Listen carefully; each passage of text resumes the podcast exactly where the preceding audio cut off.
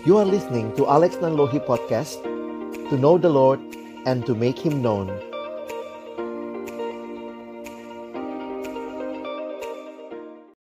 Mari kita berdoa.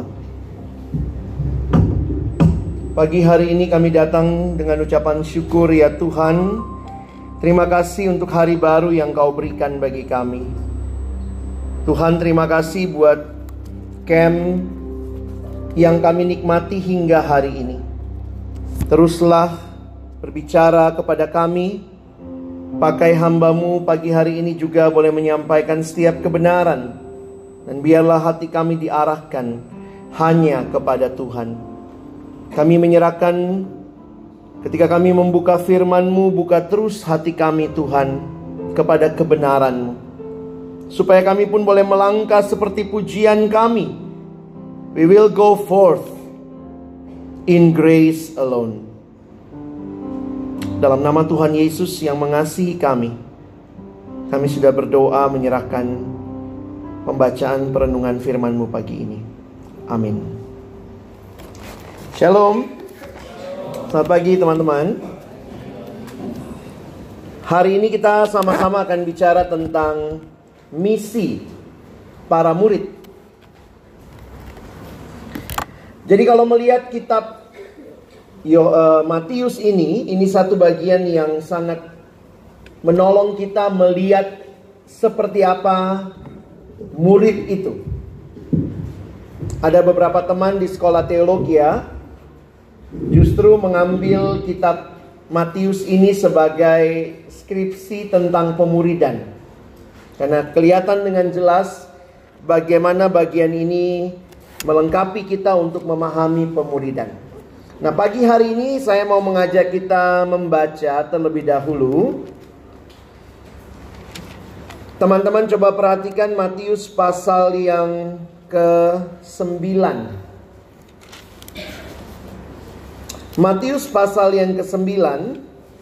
Teman-teman baca dari ayat 35 Bacalah sampai Matius pasal yang ke-10 ayat yang ke-5.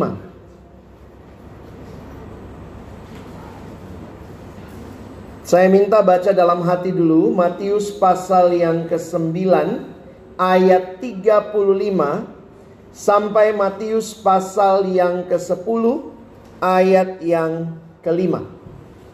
Saya kasih waktu 3 menit kalian baca di dalam hati.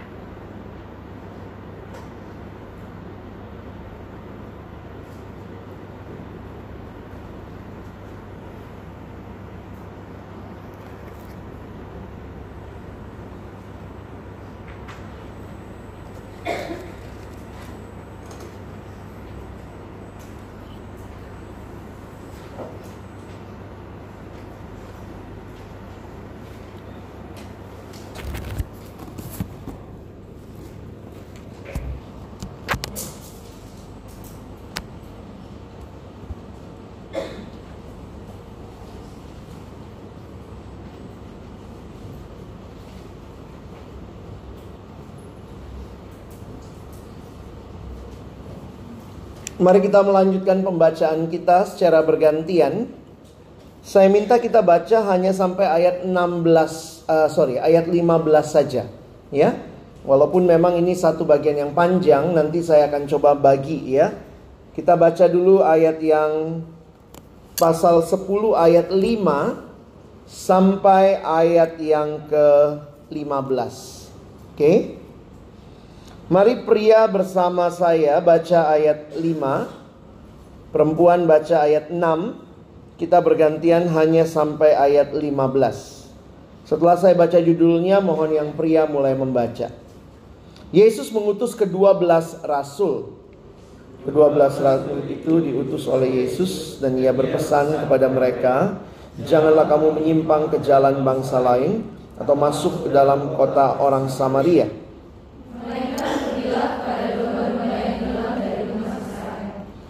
Pergilah dan beritakanlah kerajaan sorga sudah dekat.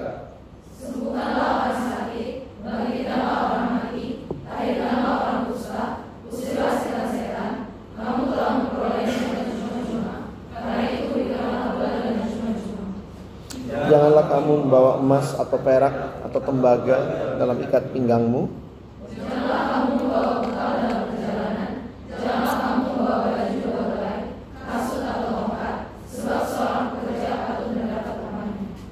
Apabila kamu masuk kota atau desa, carilah di situ orang yang dan tinggallah padanya sampai kamu berangkat.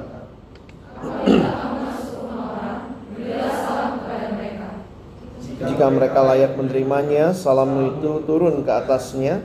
Jika tidak, salammu itu kembali kepadamu.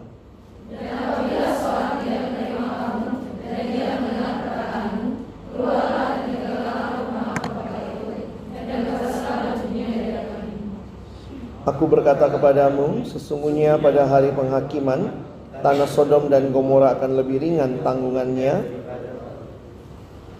Saudara yang dikasihi Tuhan, kalau melihat urutan di dalam Injil Matius, kita akan menemukan bahwa Tuhan Yesus di bagian ini mulai menetapkan kedua belas rasul.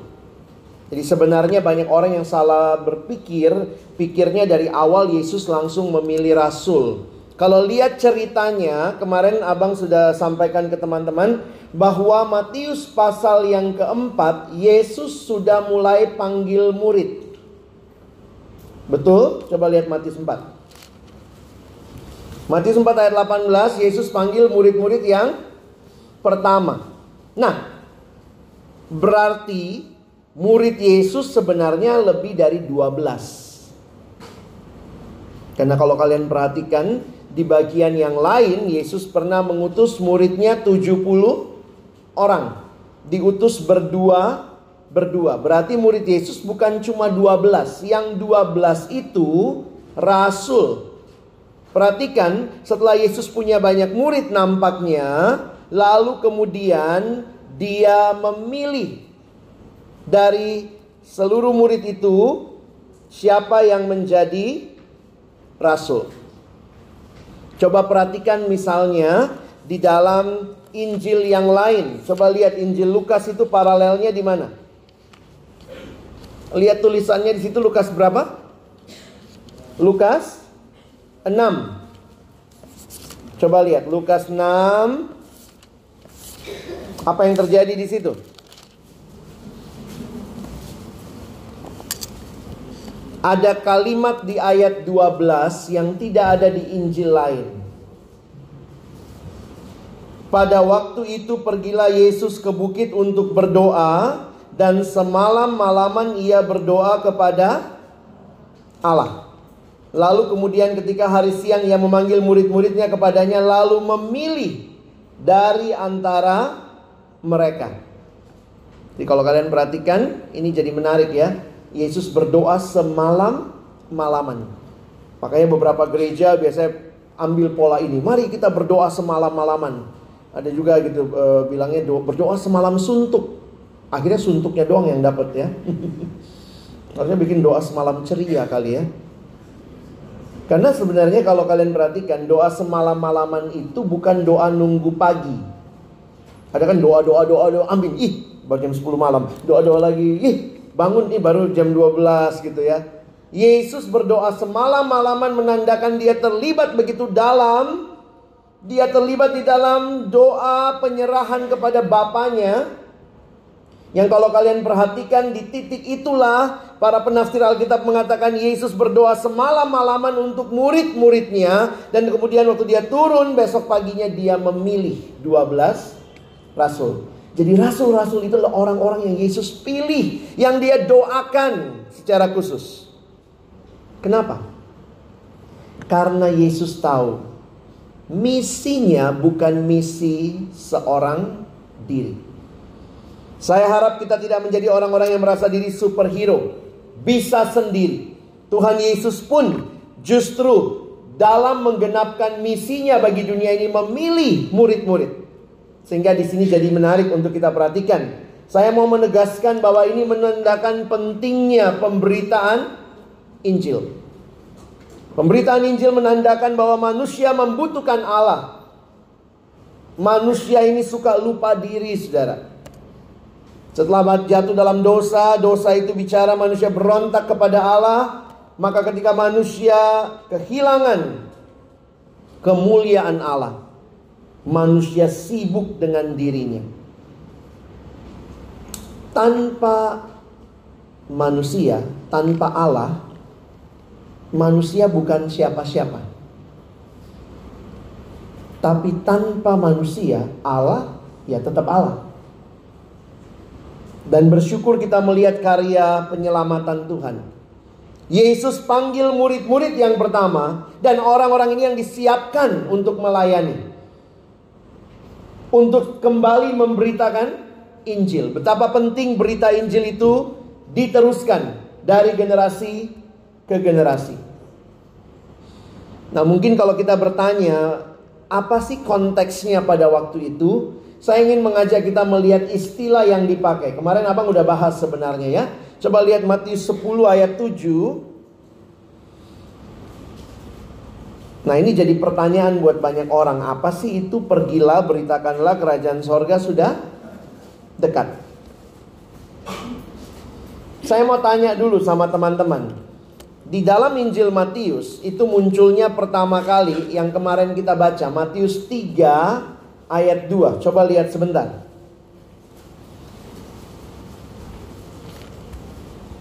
Ini beritanya siapa?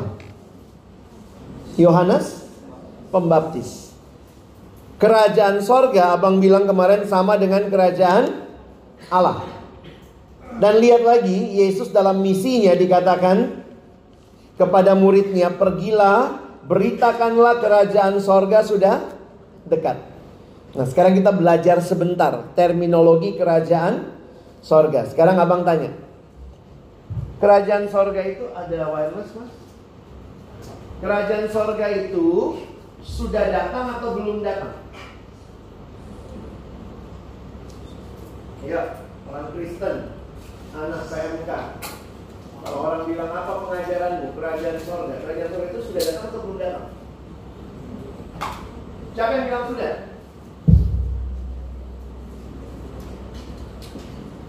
Siapa yang bilang belum? Siapa yang nggak tahu?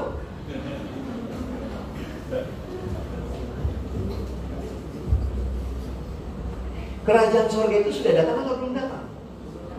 Kalau kau bilang sudah, lalu kenapa kau masih berdoa? Bapa kami yang di surga, dikuduskanlah namamu, datanglah kerajaanmu.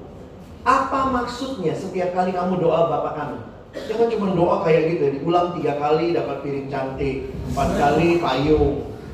Ayo, kamu sering doa loh. Iya doa, masih doa bapak kami nggak? Hmm. Apa maksudmu waktu bilang datanglah kerajaanmu? Ayo, kamu cuma ngomong aja datanglah kerajaanmu. Maksudnya, padahal kalau datanglah jangan Tuhan belum kawin aku. Apa maksudnya datanglah kerajaanmu? Jadi kalau orang bilang sudah datang, kenapa ada frase datanglah kerajaanmu? Tapi kalau orang bilang belum datang, loh, Yesus kan bilang juga, bertobatlah, kerajaan surga sudah dekat. Kerajaan surga telah datang. Jadi bagaimana mengerti kerajaan surga itu? Kenapa Yesus pakai bahasa kerajaan? Yesus kurang demokratis. Nah, sini kita perlu pemikiran yang mendalam. Sebenarnya ini salah satu topik besar.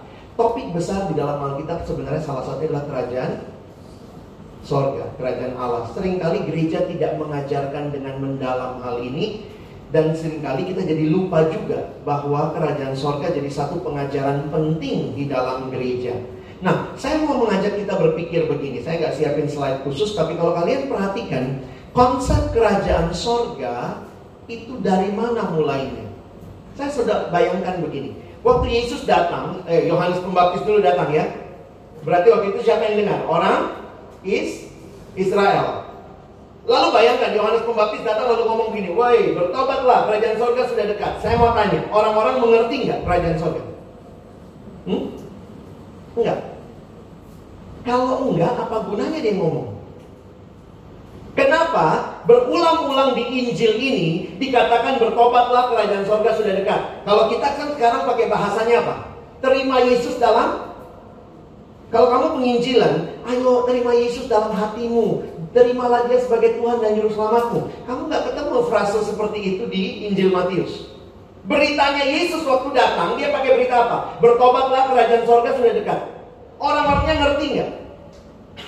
Kalau nggak ngerti kan jadi bingung ya. Bayangkan kau jadi Yesus lalu ngomong, ada ada ada. Apa itu? Oh nggak ngerti. Bla bla bla bla. Saya hampir yakin pasti Orang-orang itu ngerti waktu Yesus ngomong bertobatlah, kerajaan sorga sudah dekat. Karena orang Yahudi sangat memahami kerajaan sorga. Jadi konsep kerajaan sorga itu bukan konsep baru. Makanya perhatikan, Yesus tidak bawa misi yang sama sekali baru. Yesus bawa misi yang sudah berurat akar di dalam perjanjian lama. Dari mana munculnya konsep kerajaan sorga? Sebenarnya kalau kalian lihat lagi dalam Alkitab mulainya justru bagi saya dari sejak penciptaan. Coba bayangkan waktu penciptaan. Saya suka bilang gini ya, kalau misalnya saya cipta benda ini. Begitu benda ini dicipta, punya siapa? Punya yang mencipta. Di dalam konsep penciptaan ada konsep kepemilikan. Jangan kau bilang, tapi bang kan bisa dijual. Tahan dulu otak dagangmu. Sebentar ya. Begitu sebuah benda dicipta, maka ini milik penciptanya. Siapa yang benda ini harus layani? Penciptanya. Siapa rajanya benda ini? Penciptanya. Jadi sebenarnya, begitu baca Alkitab, Allah menciptakan segala sesuatu. Berarti ini punya siapa? Punya Allah. Allah sedang membangun kerajaannya. Apa artinya kerajaan Allah? Allah jadi raja. Dan Allah yang jadi raja itu mengharapkan semua ciptaannya tunduk kepada dia dan memuliakan dia. Itulah naturnya kerajaan Allah. Di mana semuanya tunduk kepada Allah. Eh kejadian tiga terjadi pemberontakan dalam kerajaan itu. Siapa yang berontak? Manusia. Mau jadi Allah. Jadi kalau kalian lihat tuh gila juga ya, sama kayak kau bilang Pak Jokowi turun. Aku presidennya. Jokowi sih bukan kerajaan ya, kita kan bukan kerajaan. Anggaplah misalnya kamu minta kepada apa? Ratu Inggris, turun ratu, saya rajanya sekarang. Saya ratunya. Jadi sebenarnya itu satu pemberontakan. Sehingga kemudian apa yang terjadi? Nah, saya cerita sedikit ini sejarah perjanjian lama ya. Saya mau tes kamu sekolah minggu apa tidak? Jangan cuma di sekolah minggu nggak tahu Alkitab. Sesudah itu, siapa yang Tuhan panggil? Sesudah kejatuhan dalam dosa, Tuhan panggil banyak orang, dia membaharui salah satunya lewat Nuh, Habis Nuh, akhirnya kemudian Tuhan melalui Abra, Abraham. Tuhan janji sama Abraham. AB, gitu kali ya.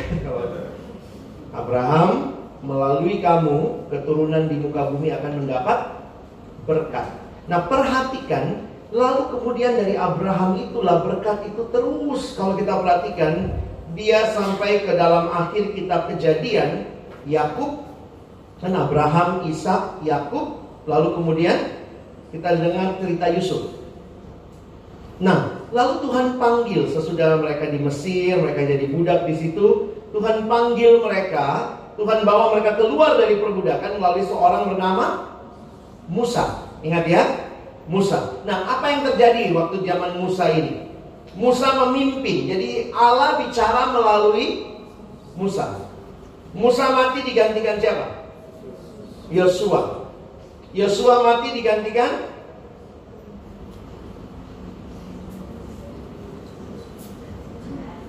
Hmm, mulai dari sini udah bingung sekolah minggunya udah nggak nggak ikut aku bang waktu itu. Ya. Aku cuma nangkap sampai Yosua eh, mati. Yosua mati lalu kemudian dikuburkan. Siapa yang gantikan Yosua? Kitab sesudah Yosua apa?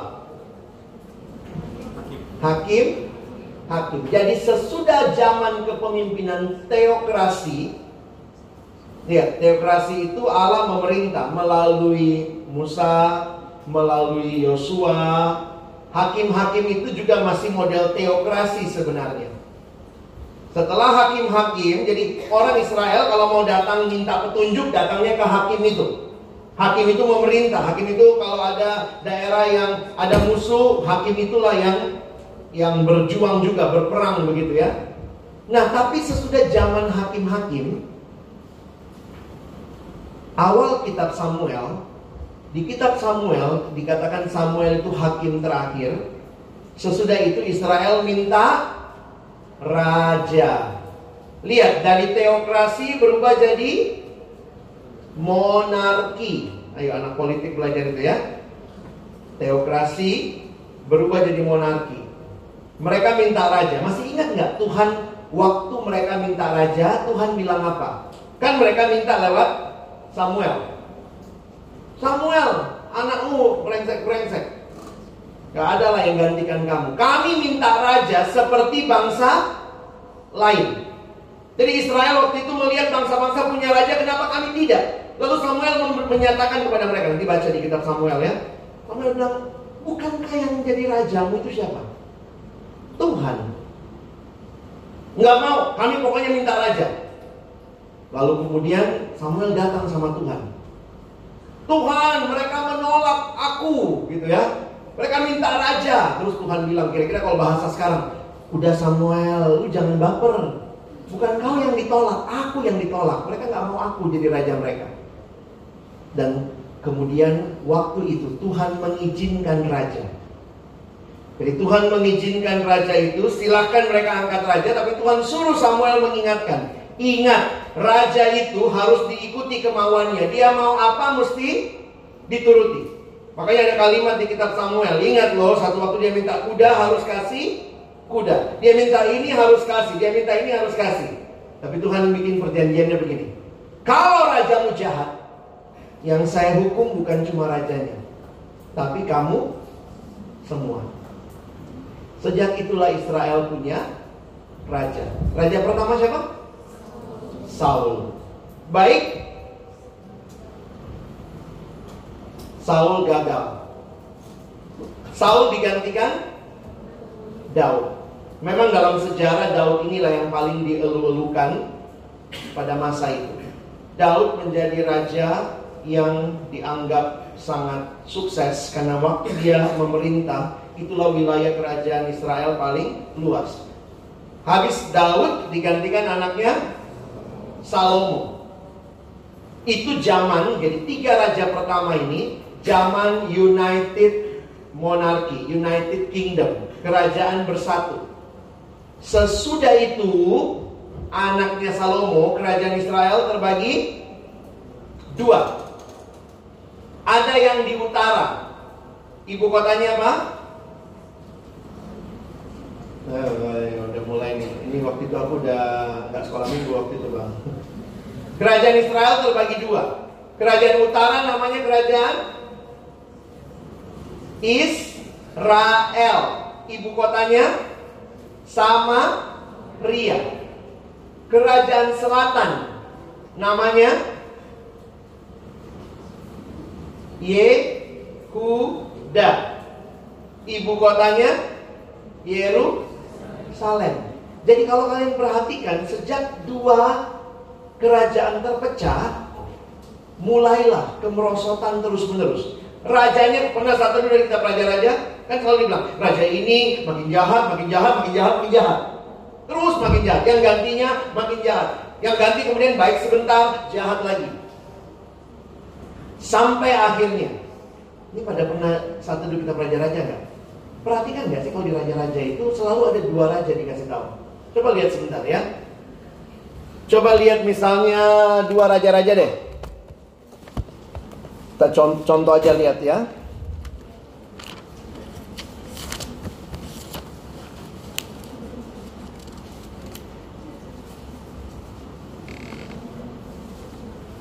Coba lihat dua raja-raja raja 17. Atau dari 15 deh ya. Atau dari 14. Atau dari 12. Abang aja lihat dari 12 saja. Lihat dari dua raja-raja 12. Lihat judulnya. Jadi jangan kau pikir itu rajanya sama. Beda. Lihat judulnya. 12 itu siapa apa judulnya? Yoas, koma raja. Berarti kerajaan mana? Selah, selatan. Lalu dikasih tahu begini, lihat 12 ayat 1. Dalam tahun ke-7 zaman Yehu, Yoas menjadi raja 40 tahun lamanya dan ia memerintah di Yerusalem. Perhatikan pasal 13. Ini lagi bahas tentang raja yang mana? Yoahas dia raja. Berarti raja mana? U Utara dalam tahun ke-23 zaman Yoas bin Asalia ya raja Yehuda. Jadi kadang-kadang penulisnya kasih tahu siapa raja yang lagi memerintah di Yehuda, siapa yang di Israel. Lihat ya ayat 13 ayat 1. Dalam tahun ke-23 zaman Yoas bin Ahasia, raja Yehuda, Yoahas anak Yehu menjadi raja atas Israel di Samaria. Jadi kadang-kadang dikasih tahu siapa yang waktu itu di atas, siapa yang waktu itu di bawah. Coba lihat lagi. 14 Amasya Raja?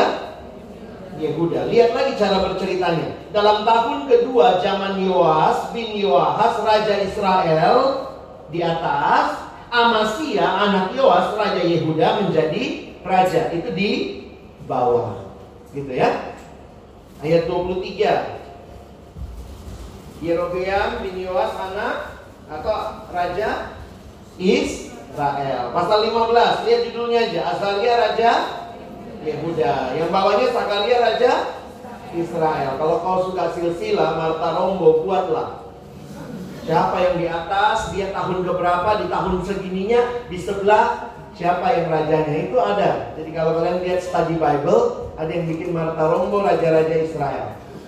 Jangan cuma hafal, kalau oh aku nomor 16. Lihatin nomornya berapa ya. Nah, apa yang menarik di sini? Sejak mereka rajanya makin lama makin buruk, Tuhan bilang akhirnya Tuhan menghukum Israel. Apa hukumannya? Dibuang ke tanah ke Babylon. Dikeluarkan dari Israel, dari tanah Kanaan. Dibawalah mereka ke tanah orang Babel. Nah, yang menarik kalian perhatikan. Sejak itu tidak ada lagi raja di Israel. Benar gak? Selama di pembuangan tidak ada raja. Kalau kalian lihat yang Tuhan kirim dalam pembuangan lebih banyak nabi. Ada tiga lucu juga ini. Ya. santai, santai. Kadang-kadang badan besar bersihnya kecil. ya. Di Israel itu ada tiga jabatan penting. Raja, nabi, sama imam. Kalau kalian lihat, raja, nabi, imam ini punya bagiannya masing-masing. Raja memerintah secara politik. Imam bertugas di bait Allah.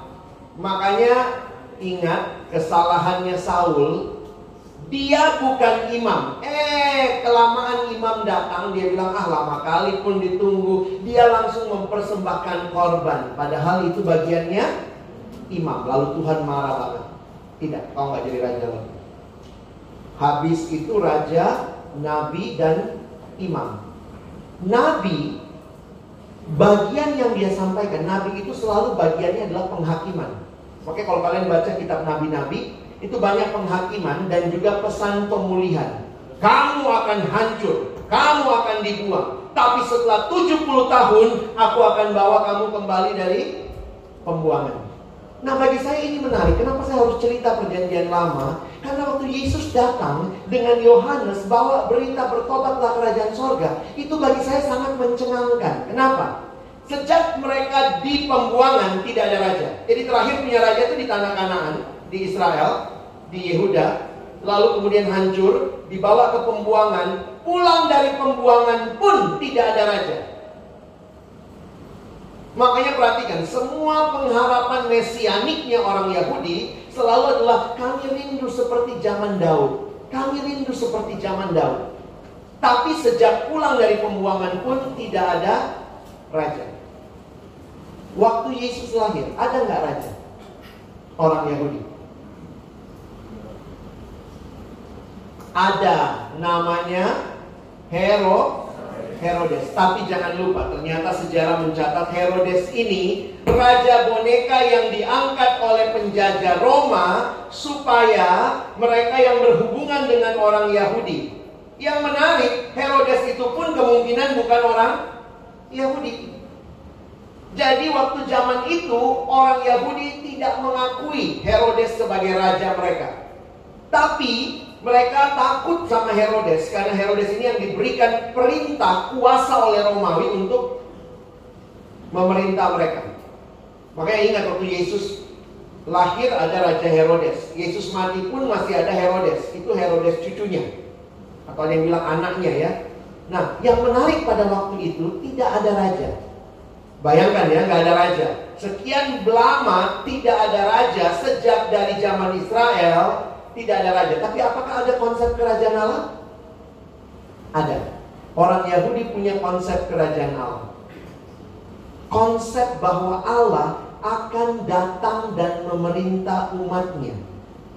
Dan pengharapan itu yang disebut yang mereka nantikan itu Mesias. Mesias inilah yang akan datang memerintah umatnya. Kitab terakhir perjanjian lama kitab apa? Male Maliaki. Coba lihat Maliaki terakhir ayat terakhir. Maliaki pasal terakhir judulnya apa? Hari Tuhan. Jadi orang Yahudi punya pengharapan Tuhan akan datang dan menghakimi lalu mendirikan kerajaannya. Nah, siapa yang akan diutus sebelum Tuhan datang? Coba lihat ayat yang kelima dan 6 Baca ya Malayaki 4, 5, dan 6 Satu dua ayat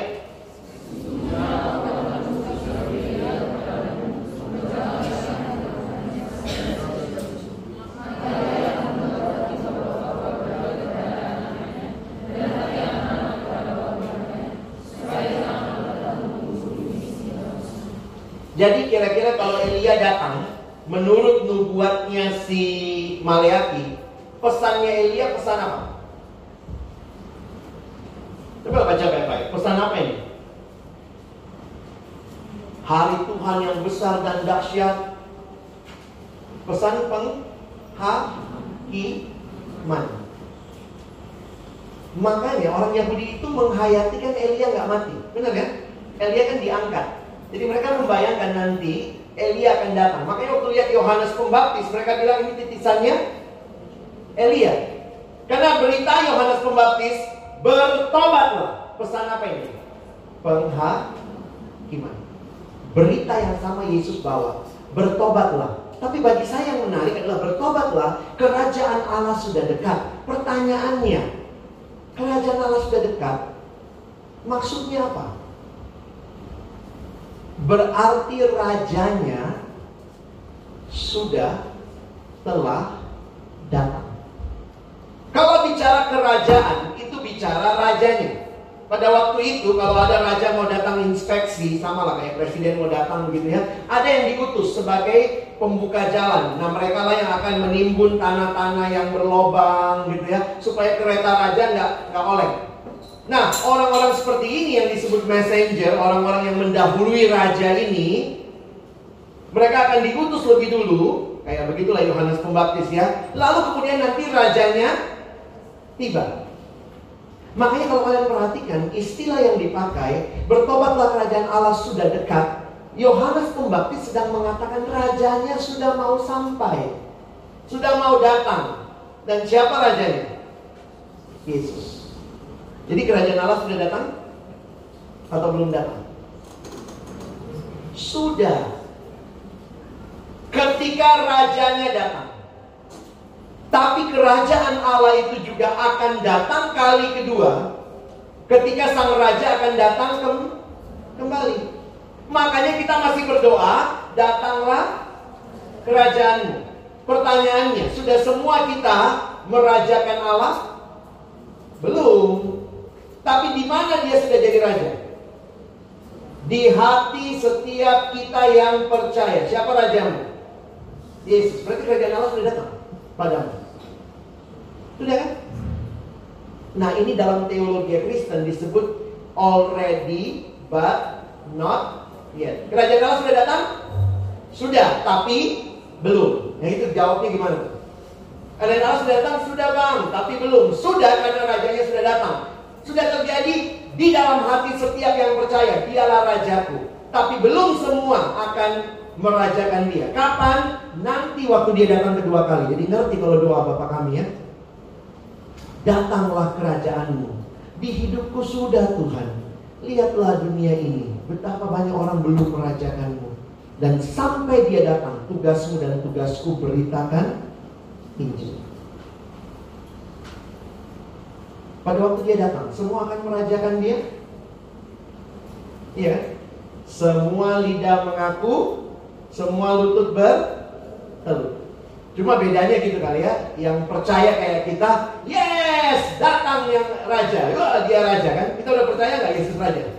Udah kan? Waktu dia datang, wah ini rajaku. Yang nggak percaya, ya beneran dia raja. Tapi neraka itu ya.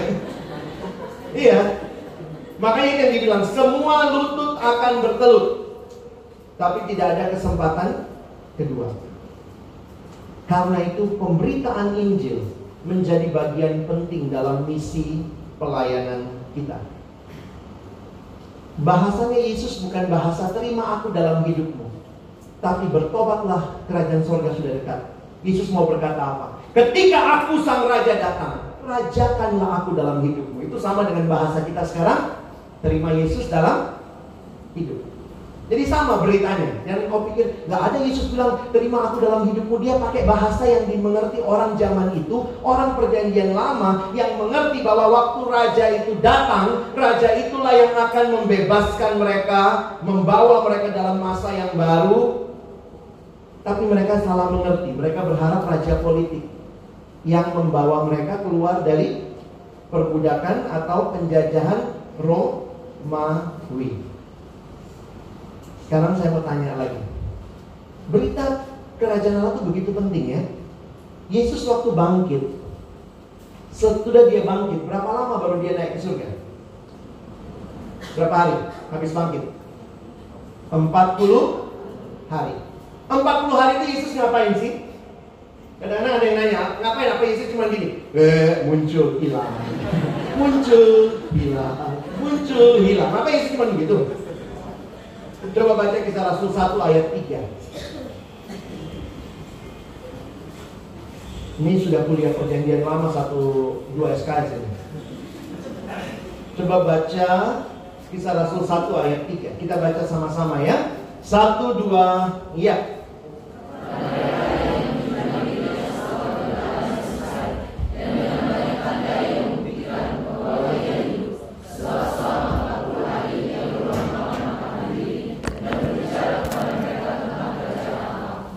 Apa materi kuliah umum Yesus selama 40 hari? Apa materi kuliah umumnya?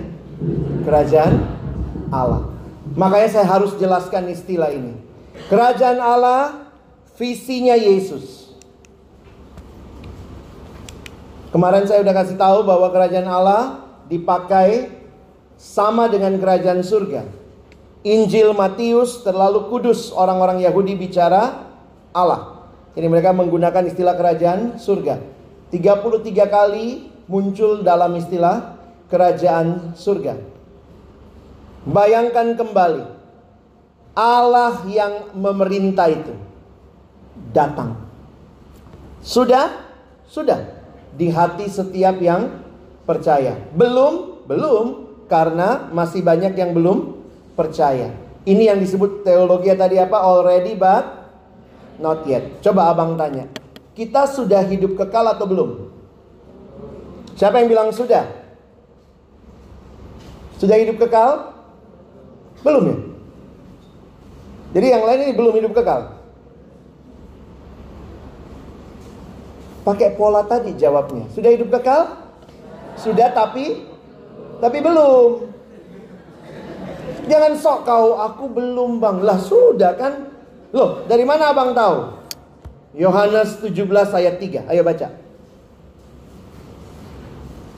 Yohanes 17 ayat 3. Ayo semua baca. Satu, ketemu Injil Yohanes 17 ayat 3. Satu dua ya.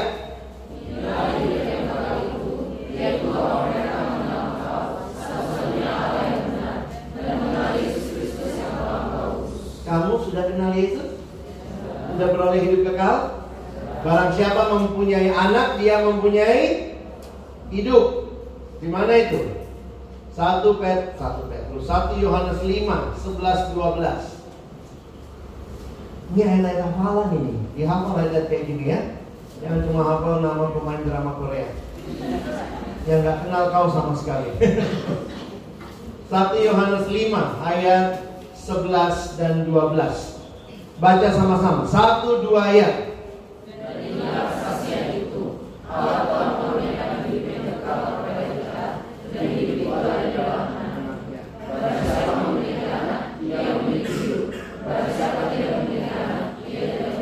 Sudah punya anak itu dalam hatimu? Sudah itu kekal dong? Sudah, yakin itu. Tapi belum, karena nanti akan Tuhan genapkan. Kamu sudah alami kerajaan Allah? Sudah. Tapi belum, karena nanti penggenapannya yang kedua kali. Itulah indahnya.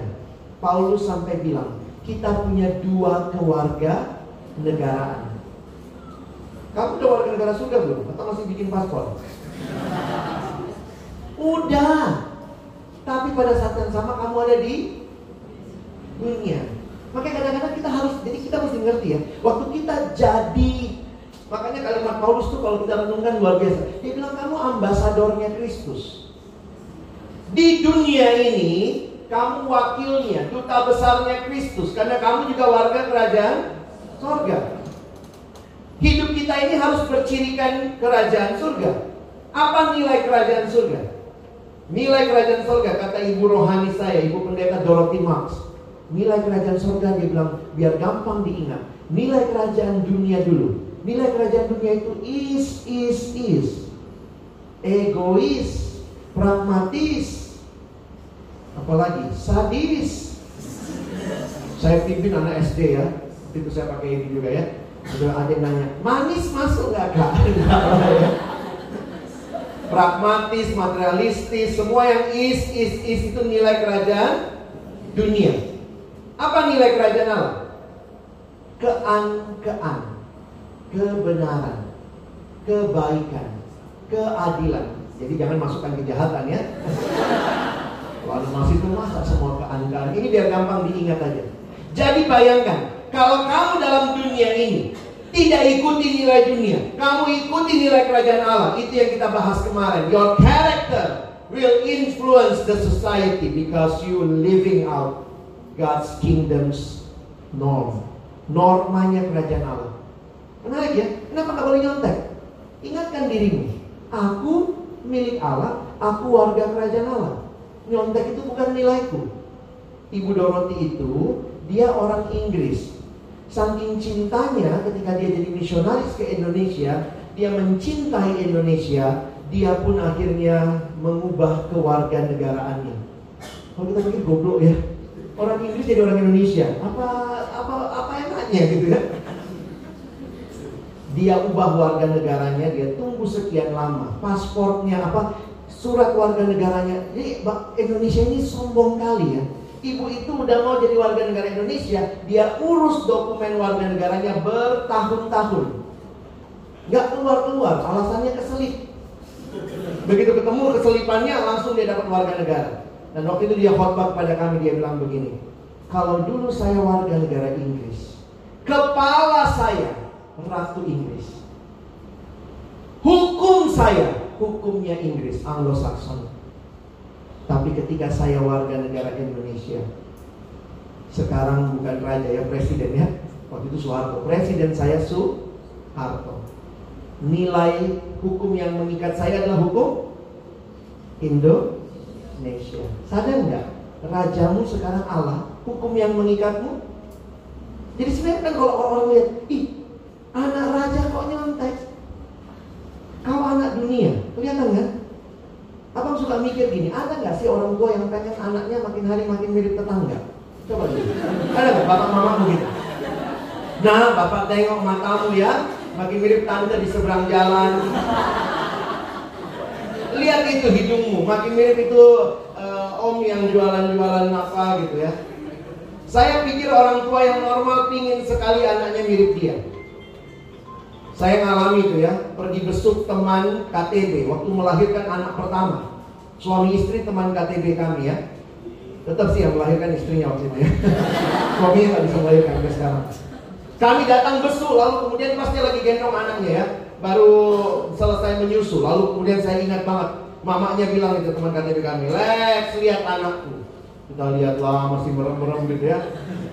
Sekarang udah SMA, ya udah mau kuliah dia bilang gitu ya lihat anakku Lex hidungnya kan hidungku ya jidatnya jidat bapaknya tiba-tiba bapaknya ngomong mana hidungnya hidungku jidatnya jidat mama kalau mereka berantem di situ suami istri hidung jidat hidung jidat gitu. saya mikir sih namanya juga produk bersama ya rada mirip sana rada mirip sini tapi di situ abang baru sadar itulah bangganya orang tua lihat anaknya mirip dia ini anakku, mirip kan? Kira-kira kalau Bapak di surga lihat hidupku Bapak akan ngomong, ini anakku Eh, kok beda? Hei, anak siapa kau? Kadang kita gitu ya Nyanyinya gitu Aku anak raja, kamu anak raja Kita semua anak siapa? Kau nggak mirip kayak raja Kelakuanmu kayak anak pemulung kalau betul kau anak raja, kalau betul kau milik Tuhan, kau adalah anggota kerajaan Allah. Nilai apa yang tampak di hidupmu?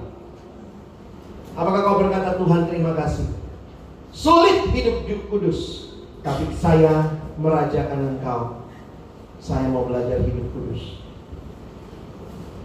Kalau nilai kerajaan dunia bukan kudus, kudis.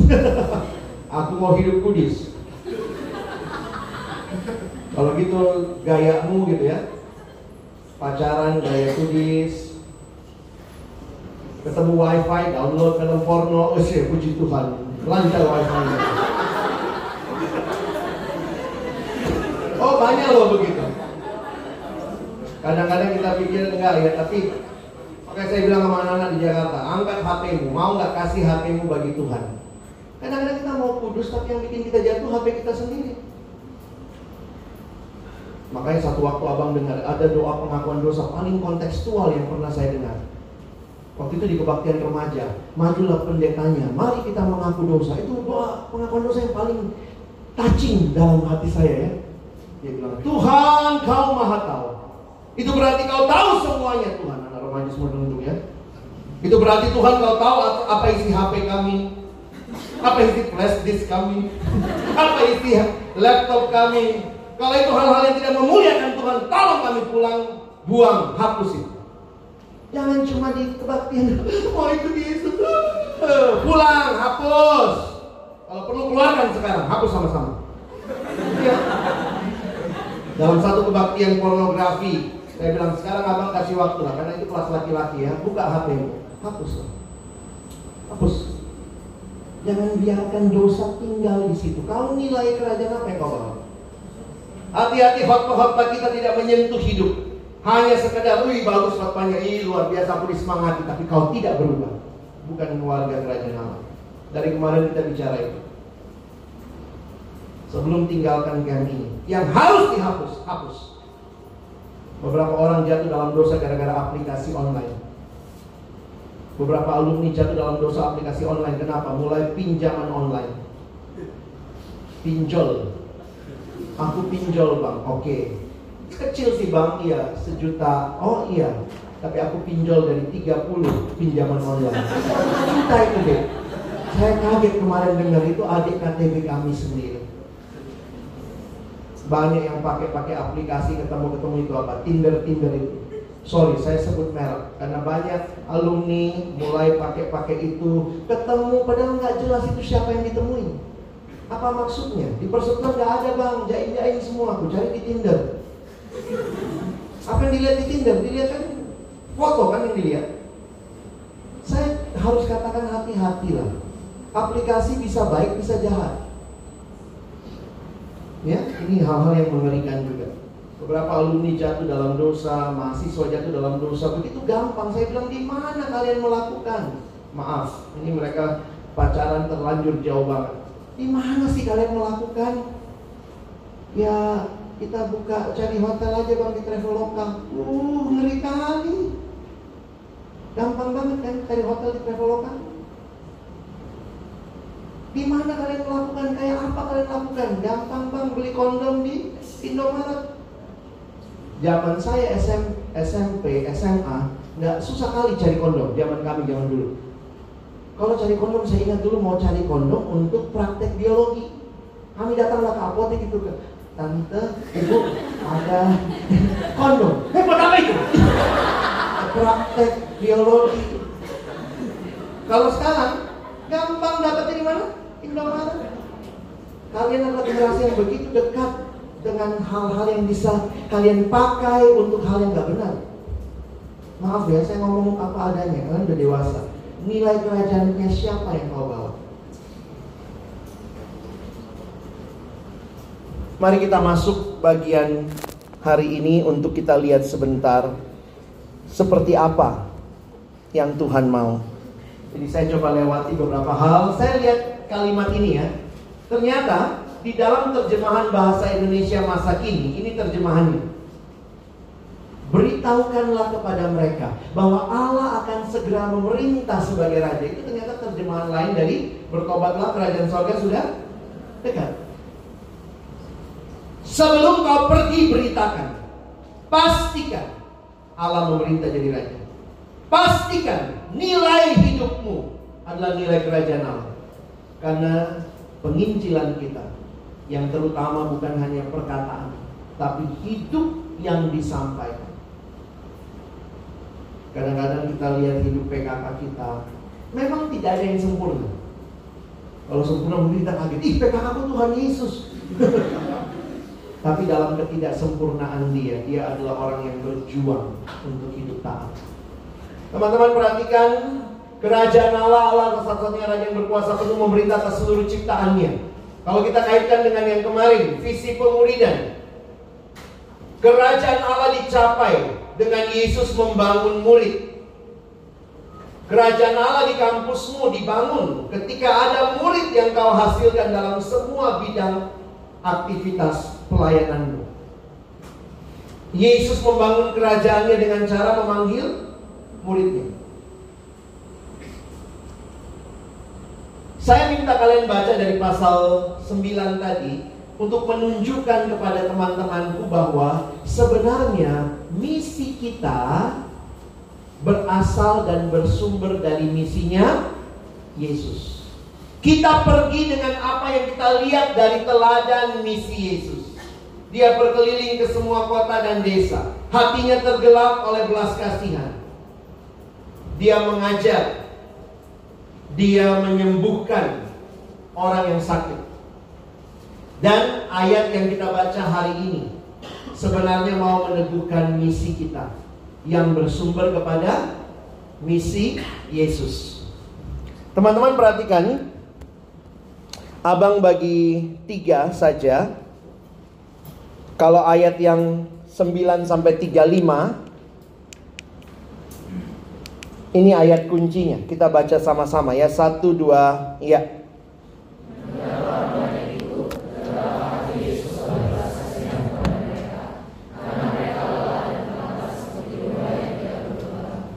Saya simpulkan begini, ada kalimat domba tidak bergembala. Jesus calls the twelve to lead in mission to Israel, following his model as an authentic shepherd. Yesuslah gembala yang sejati of God's people despite persecution. Kita akan lihat ada penderitaan. Jadi cerita ini penginjilan, misi kita, misi yang bersumber dari Allah, cerita kerajaan Allah, visinya dari Allah. Masih ingat Yesus tadi melihat orang banyak, man oriented. Otoritasnya dari Allah, dikerjakan dengan cara Allah. Belas kasihannya pun seperti Allah sendiri. Kalau kalian baca dengan teliti, saya coba bagi tiga ini. Ayat 1 sampai 4 kita udah lihat. Yesus memanggil ke-12 murid. Lalu ayat 5 sampai 15. Perhatikan sebentar, Abang tulis di situ 5 sampai 15 ini bicara short term mission. Short term mission maksudnya ini misi yang dikhususkan kepada Israel. Kalau kalian baca dengan teliti ayat 5 sampai 15. Yesus bilang kalau kamu pergi, masuklah, jangan dulu menyimpang ke kota-kota orang lain. Banyak orang waktu baca ayat ini, pikirnya Yesus eksklusif banget. Kenapa cuma kepada orang Israel? Tapi kalau kamu baca lanjutannya, ayat 16 sampai 42, ini bicara misi kepada dunia. Nah mari lihat sebentar Kalian bisa lihat ayat-ayatnya saya tulis di depan Khusus ayat 5 Sampai ayat yang ke 15 Targetnya apa? Coba lihat ayat 5 dan 6 harus mengikuti Yesus, jangan menyimpang ke jalan bangsa lain atau masuk ke dalam kota orang Samaria, melainkan pergilah kepada domba-domba yang hilang dari umat Israel. Beritanya, kerajaan sorga sudah dekat. Tanda-tandanya ada di ayat 8a. Orang sakit disembuhkan, orang mati dibangkitkan, orang kusta ditahirkan, setan-setan diusir. Itu ya. Jadi tanda-tanda kerajaan Allah terjadi pemulihan, kelepasan. Perhatikan ayat 8b. Ini sebuah anugerah. Kamu telah memperolehnya dengan cuma-cuma, karena itu berikanlah pula dengan cuma-cuma dan bergantung pada pemeliharaan Allah. Lihat ayat 9 atau 10. Kenapa nggak boleh bawa ini, nggak boleh bawa itu? Maksudnya Tuhan mau bilang begini, bergantunglah padaku. Bahkan Tuhan bilang, kalau kau masuk ke rumah orang, tinggallah sampai kau selesai misimu. Jadi Tuhan kayak ngomong gini ya, jangan kau bilang, ih nanti kalau kau udah sampai ke situ, masuk ke rumah satu orang, ih sana lebih kaya, ah, pindah aku ah. Di sana lebih nyaman ada AC-nya ya, pindah. Ah sini WC aja lah, ah gitu ya. Maka Tuhan ingatkan, tinggallah sampai selesai. Ini semua menandakan apa? Jadi jangan bingung. Kenapa nggak boleh bawa ini, nggak boleh bawa ini? Lalu bagaimana? Tuhan mau bilang belajar bergantung kepada. Saya makin sadar ya, pelayanan mahasiswa juga misinya Tuhan, pelayanannya Tuhan. Kita pun harus bergantung kepada Tuhan. Betul kita butuh alumni maaf yang alumni ya, kami butuh ya, butuh uangnya juga, butuh kaum pimpin KTP, kita butuh alumni, tapi juga saya harus ingatkan bergantunglah pada Tuhan. Kadang-kadang kita menjadikan alumni sebagai Tuhan. Kita mulai fokus, oh nanti alumni ini bantu selesai masalah kita. Tuhan bisa pakai alumni. Tapi jangan bergantung kepada alumni. Bergantunglah kepada Tuhan. Supaya Tuhan gerakkan para alumni. Strateginya apa? Itu ayat 11 sampai 15 ya. Masalah mengebaskan debu ini kebiasaannya orang Yahudi. Kalau mengebaskan debu itu sebenarnya di dalam perjanjian lama, setiap kali mereka lewat kota-kota orang kafir, maka waktu mereka melewatinya, mereka diminta harus mengebaskan debu. Makanya beberapa penafsir mengatakan ini tanda penghakiman. Perhatikan ayat 15. Langsung dibilang dosanya Sodom dan Gomora lebih berat dosa yang menolak jadi itu kan bentuk penghakiman ya. Sesungguhnya pada hari penghakiman tanah Sodom dan Gomora akan lebih ringan tanggungannya daripada kota itu. Jadi tempat-tempat yang tidak menerima mereka, mereka harus kebaskan debu. Itu tanda penghakiman. Saya harus katakan tidak mudah melayani. Tidak mudah memberitakan Injil, tidak mudah jadi pengurus, tidak mudah jadi PKK, tidak mudah jadi staf. Tapi mari kita lihat apa yang Tuhan berikan kepada kita. Abang minta di bagian terakhir kita masuk dalam mengerjakan pribadi di kelompok ya. Ini kelompok satu, ini kelompok dua, ini kelompok tiga. Saya minta kalian baca ayat 16 sampai 42. 16 sampai 42. Yang sebelah ini kelompok satu, kalian coba fokus waktu baca ayat-ayat itu, lihat apa tantangan yang dihadapi oleh murid Yesus dari pihak mana saja. Itu bagianmu. Kelompok kedua, bagaimana seharusnya sikap atau tindakan murid Yesus. Itu bagian kalian. Kelompok tiga, pertanyaannya sambil kalian baca, apa janji yang Yesus berikan. Abang kasih waktu 5 menit. Coba skimming. Lihat, fokus saja sama bagianmu ya.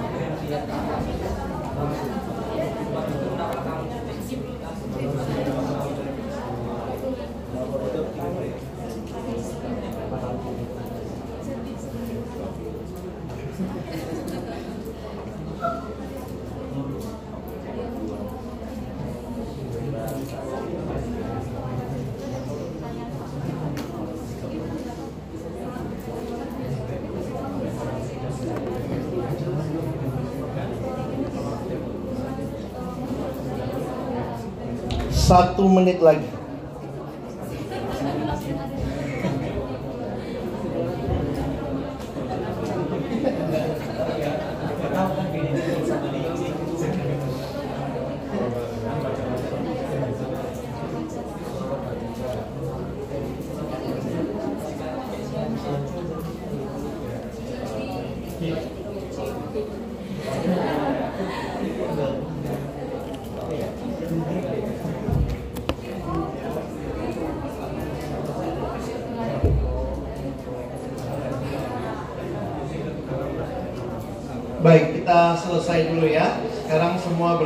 Diskusi dulu, tetap di kelompoknya.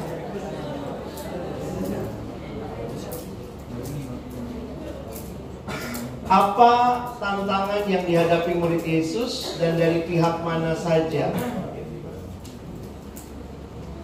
Dari pihak mana yang bagi kalian menyakitkan di sini? Hah? Keluarga. Abang nggak akan ulang, nggak akan bahas, tapi saya mau tanya, adakah yang dapat tantangan dalam pelayanan dari keluarga sendiri? Angkat tangannya.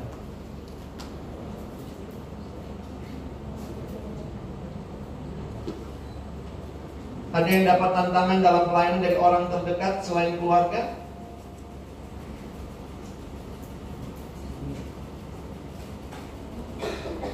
Oke. Ada yang dalam pelayanan sampai hampir dibunuh?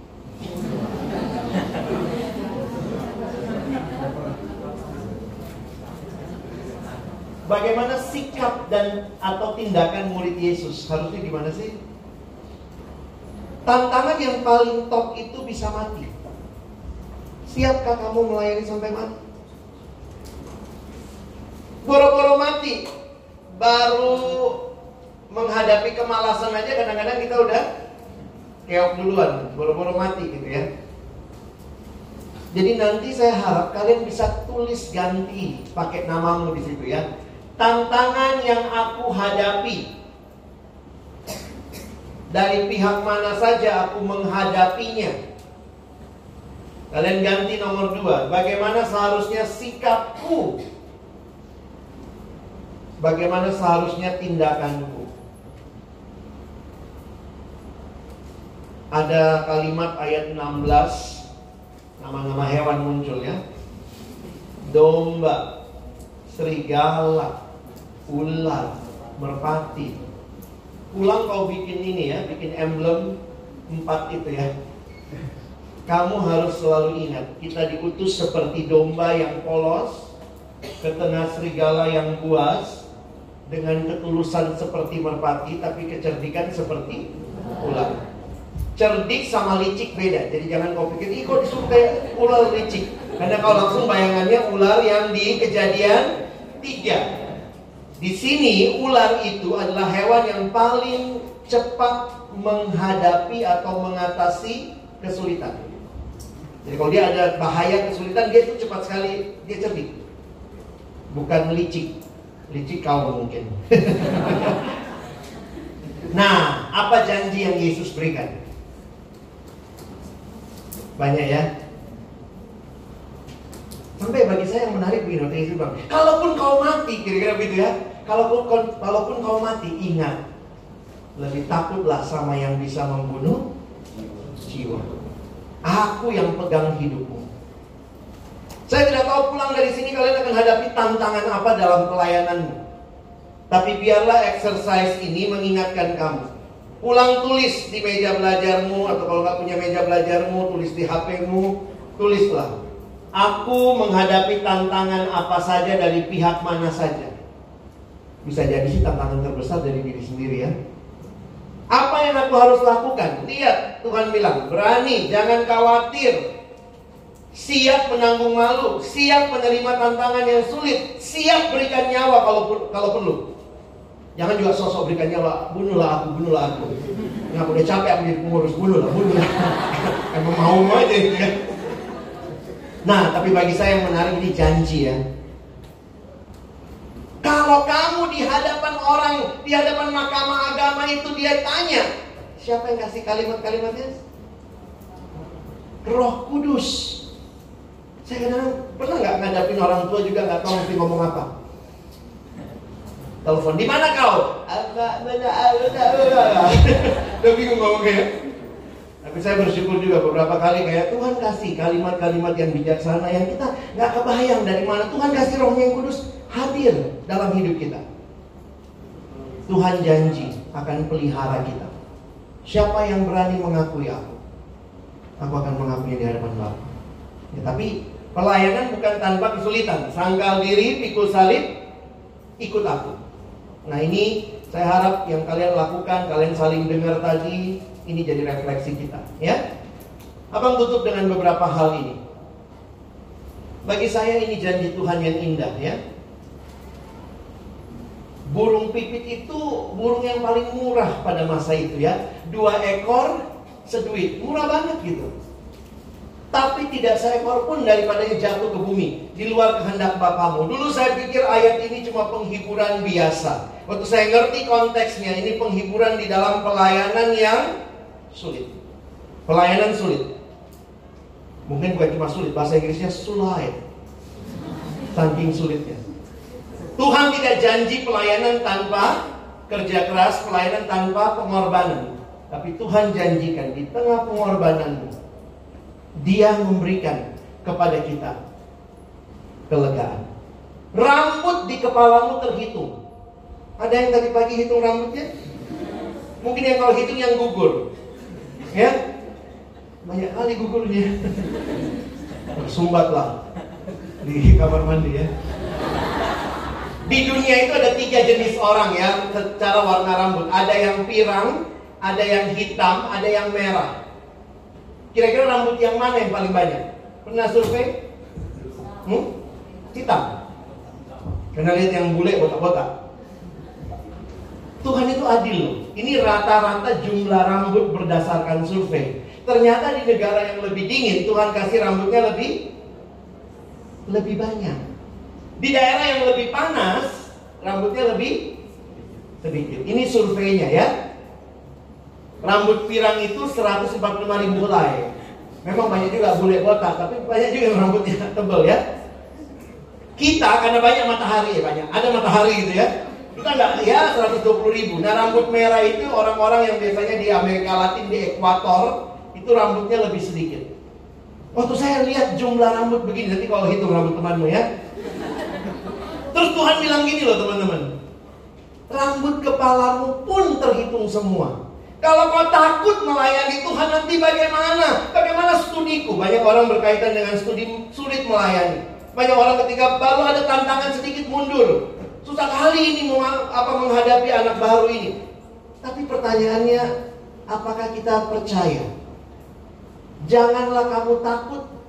Kamu lebih berharga dari burung pipit. Rambut di kepalamu terhitung semua. Saya tidak punya kata-kata penguatan untuk membuat kalian kuat. Tapi berharaplah pada Tuhan. Ini firman Tuhan. Kalau kau mau percaya janji Tuhan, kiranya pelayananmu akan disertai Tuhan.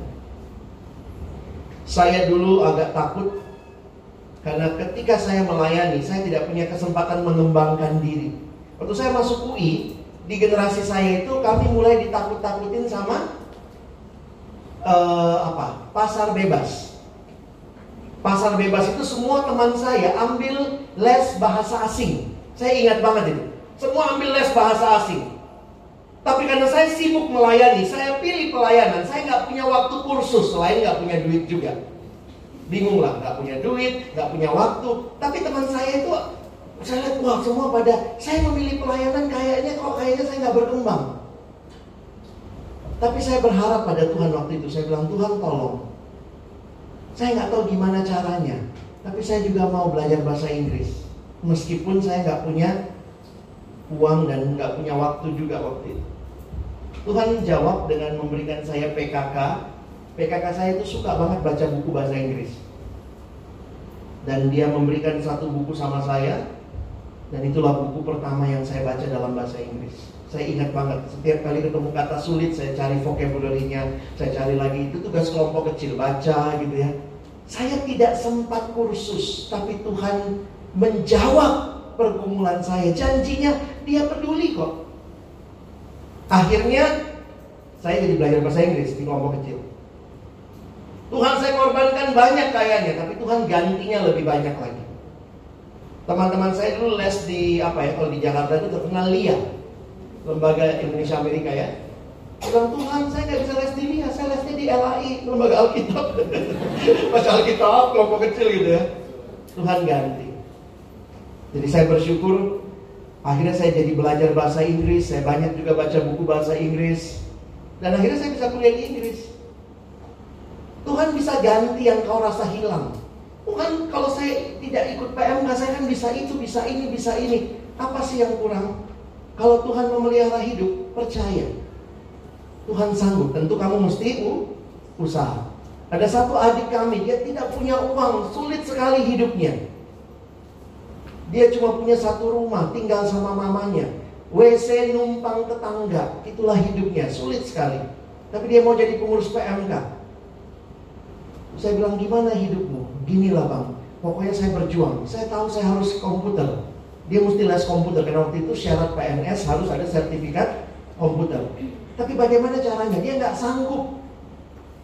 Sebelum dia ambil tes komputer, dia akhirnya magang di perpus kampus kami. Bantu-bantu input data sambil belajar komputer. Jadi cuma ikut kursus dapat sertifikat. Saya kadang mikir Tuhan bisa gantikan apa yang kau rasa hilang karena kau melayani. Dia gantikan dengan jauh lebih indah. Tapi percayalah ya bahwa dia menyertai. Saya tutup dengan gambar ini. Mari kita nikmati bersama gambar ini. Gambar ini cuma gambar zoom, tapi waktu saya lihat ini seperti mengingatkan saya. Apa sih yang kau takutkan kalau Tuhan pelihara hidupmu? Ini gambar apa? Bingung kan? Hmm.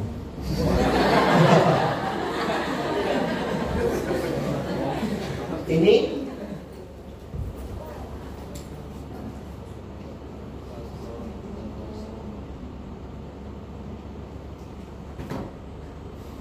Ini tadi disebut dulu ayamnya. Membabi. Ini babinya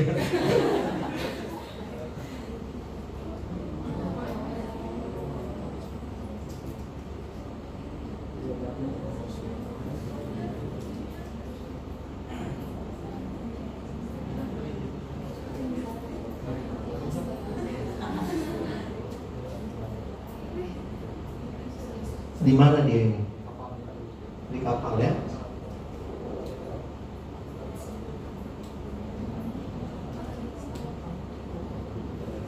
Di mana kapal ini? Di laut ya?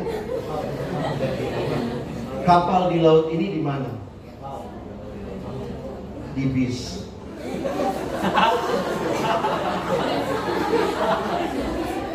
Bis ini di mana ya? Jalan. Jalan ini di mana?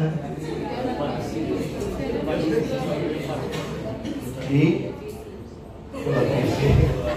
TV ini di mana? Di hatimu. TV ini di perangko. Perangko ini di mana? Ini eh, ayamnya di sini. Nah,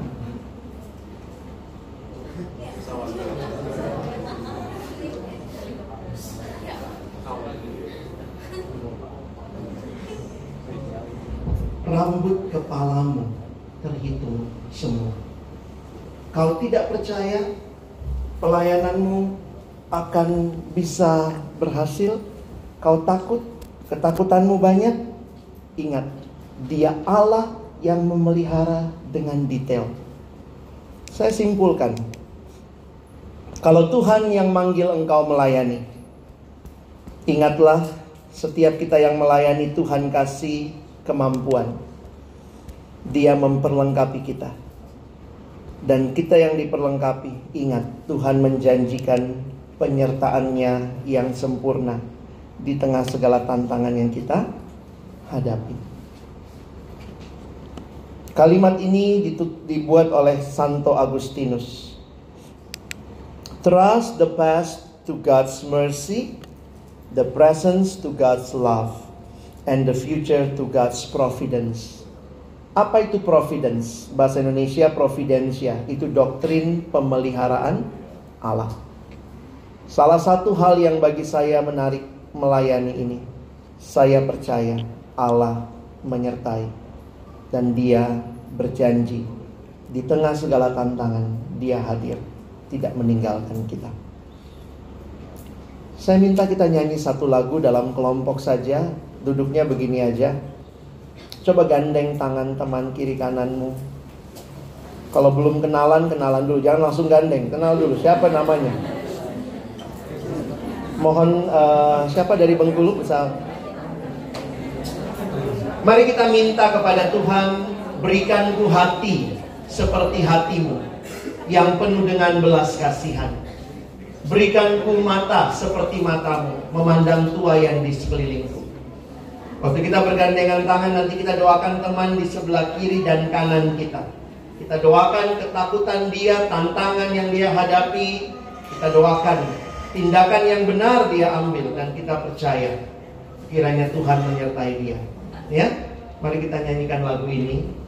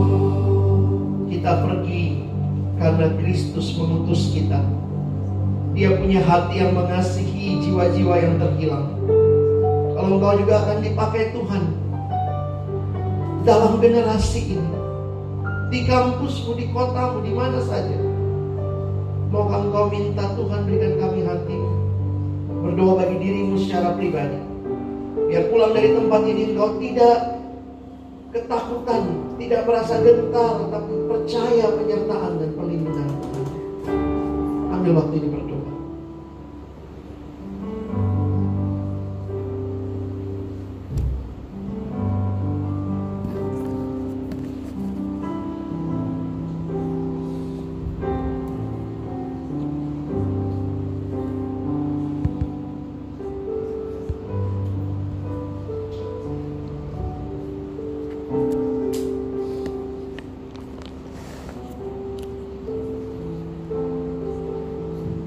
Mari berdoa juga buat teman di sebelah kiri dan kanan kita.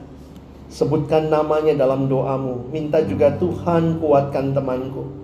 Pasti engkau punya pergumulan, dia punya pergumulan. Tapi kiranya dia punya tindakan yang benar bergantung pada Tuhan, rela sangkal diri pikul salib ikut Tuhan. Dan percayalah Tuhan memelihara dengan sempurna.